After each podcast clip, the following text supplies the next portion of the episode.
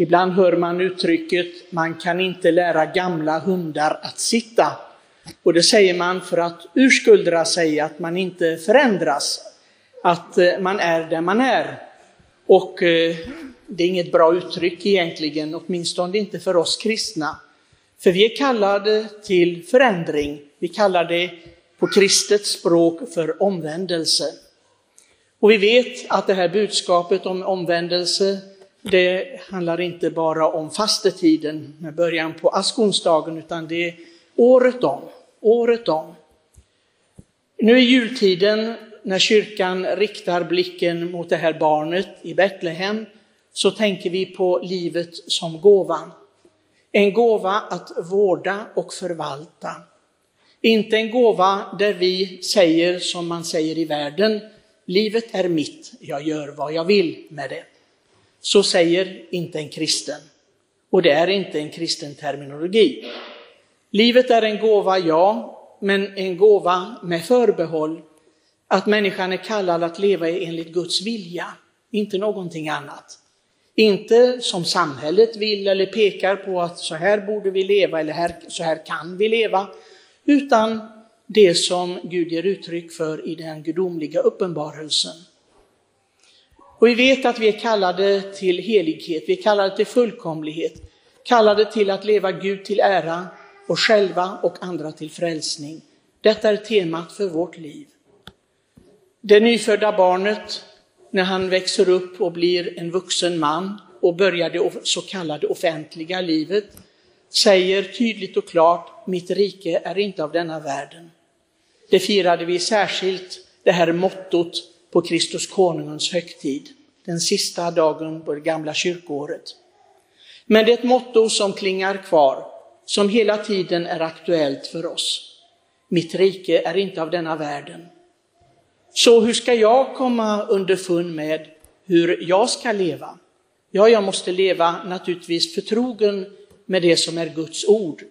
Och det påminde vi om på ett särskilt sätt när vi firade den första januari, Guds moder Marias högtid. Hon som tog allt till sitt hjärta och begrundade det. Människan är väldigt splittrad idag, säger de. Jag vet inte om vi är mer splittrade idag än man var förut. Jag tror att man har varit det i alla tider. Det har varit olika saker som har bekymrat människan. Det ändras nog inte. Naturligtvis utgångspunkten och levnadssättet är ju annorlunda än för tusen år sedan eller bara för 50 år sedan. Men ändå, människan är densamma. Och det ser vi också på, den, på de problem som kommer upp i samhället och i världen. Så utmaningarna, ja, de har vi alltid. Men vi har också Guds hjälp som står oss nära. Och där han ser på oss och säger, vill du samarbeta med den hjälp jag ger? Det vill säga med nåden kallar vi den. Vill du det? Det är du som väljer. Och det tänker vi kanske inte i de banorna alltid. Vi säger att nej, jag är präglad av vilka var mina föräldrar, där jag föddes, där jag växte upp, de som jag umgicks med etc. Och hela tiden kan vi skylla ifrån oss på något sätt och säga, ja, men det är så.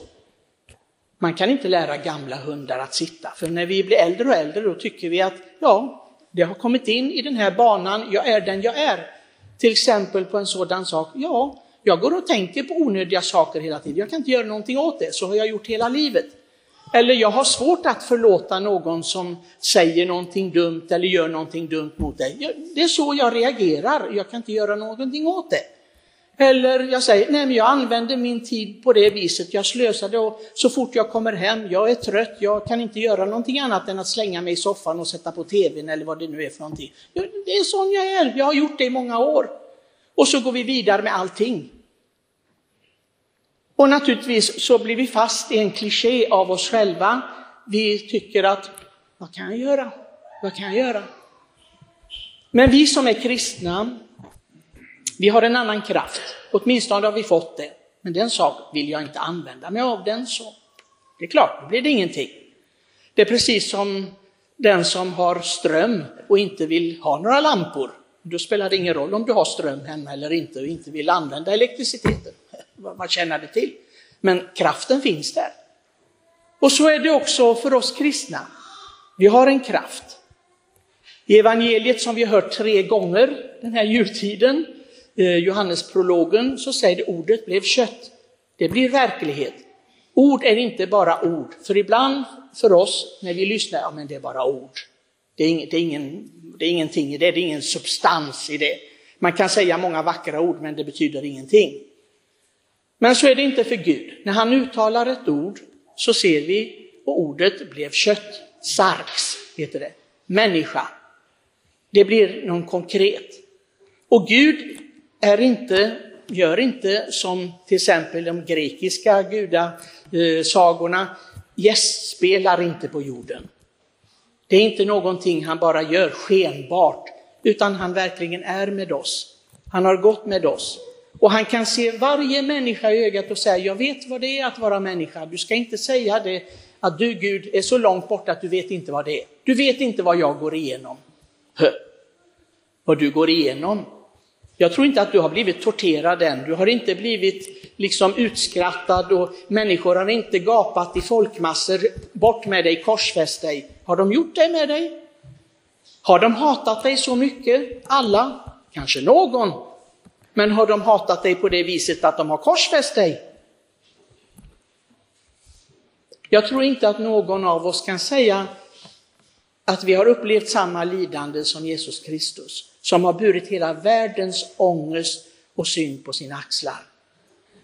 Det är därför mystikerna säger en stor del av mystiken är att gå in i Jesu dödsångest i Getsemane. Den människa som gör det kan begripa vad Gud själv har gått igenom. Han vill göra det av kärlek. Och när han på korset utropar Gud min Gud, varför har du övergivit mig? Så är det någonting enormt. Det är någonting som, som är så oerhört att det är svårt att begripa. Att Gud själv vill gå in i den här fullkomliga mörkret och tomheten av kärlek för var och en av oss. Så ingen människa kan säga, du vet inte vad jag går igenom. Det här barnet som vi firar nu under jultiden, det har fått veta precis vad det är vi går igenom och mer därtill.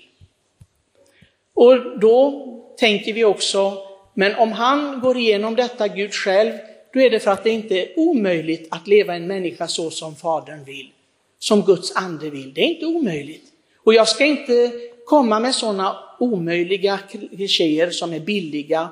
Ja, man kan inte lära en gammal hund att sitta. Ja, nu är det inte vi hundar, även om många människor älskar hundar mer än människor, tyvärr. Men vi är inga hundar, vi är inga katter heller, eller inga andra djur. Vi är människor, vi är skapelsens krona. Det vackraste Gud har skapat, det är bara människan. Inga blommor, inga djur, ingenting annat. Det är människan som är Guds skapelse. Han blev en människa. Jesus, Guds son, det eviga ordet, blev inte en blomma, inte ett djur.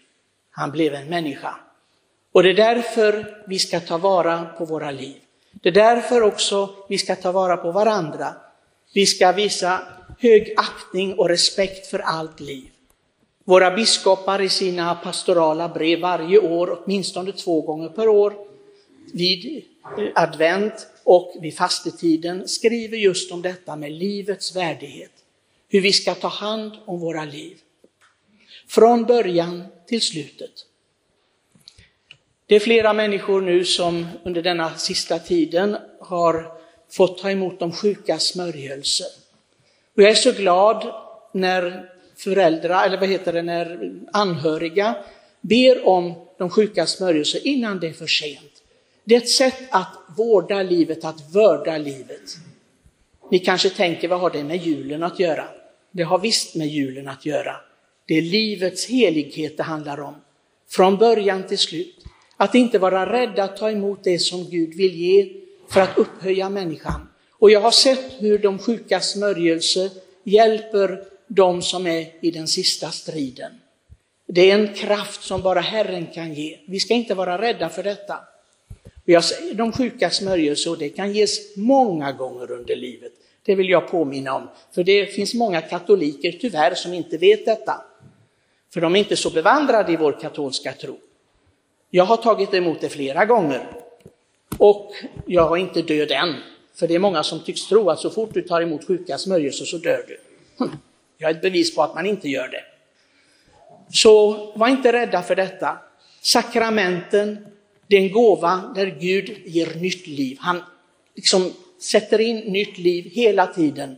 Bikten, försoningens sakrament, detta underbara sakrament som förnyar oss och ger oss fullständig förlåtelse. Eukaristin som gör oss allt mer Kristuslika. Det sjuka smörjelse som ger oss den andliga styrka som vi behöver för kampen genom sjukdom och lidande. Bröder och systrar, jag tror inte att någon av oss kan ana hur älskade vi är av Gud. Julen vill vara en påminnelse om detta. Människan, även i sin bräcklighet, i sin litenhet, är så älskad av Gud att det inte går att beskriva. Låt oss ta till oss detta. Och särskilt när vi tycker det är tufft att leva. Särskilt då. Och tänka, men Gud har också velat gå igenom det. Han har inte sparat sig själv. Han har inte sparat de närmaste, Josef och Maria. De fick det också några tuffa slag i sitt liv. Så låt oss inte tänka att bara de som har det bra, de som blir skonade, ja, de är nog mer älskade av Gud, eller de tar Gud hand om mer. Jag brukar säga, det är precis tvärtom. De som verkar helt skonade från allt lidande, tyvärr, Gud kanske inte har så stort förtroende för dem. De kan inte gå igenom det. Så låt oss glädja oss över det livet vi har, vara tacksamma för den situationen vi behöver gå igenom, det som Gud vill ge oss i livet. Och förstå detta, jag är älskad av Gud. Det behöver jag aldrig tvivla på. Amen.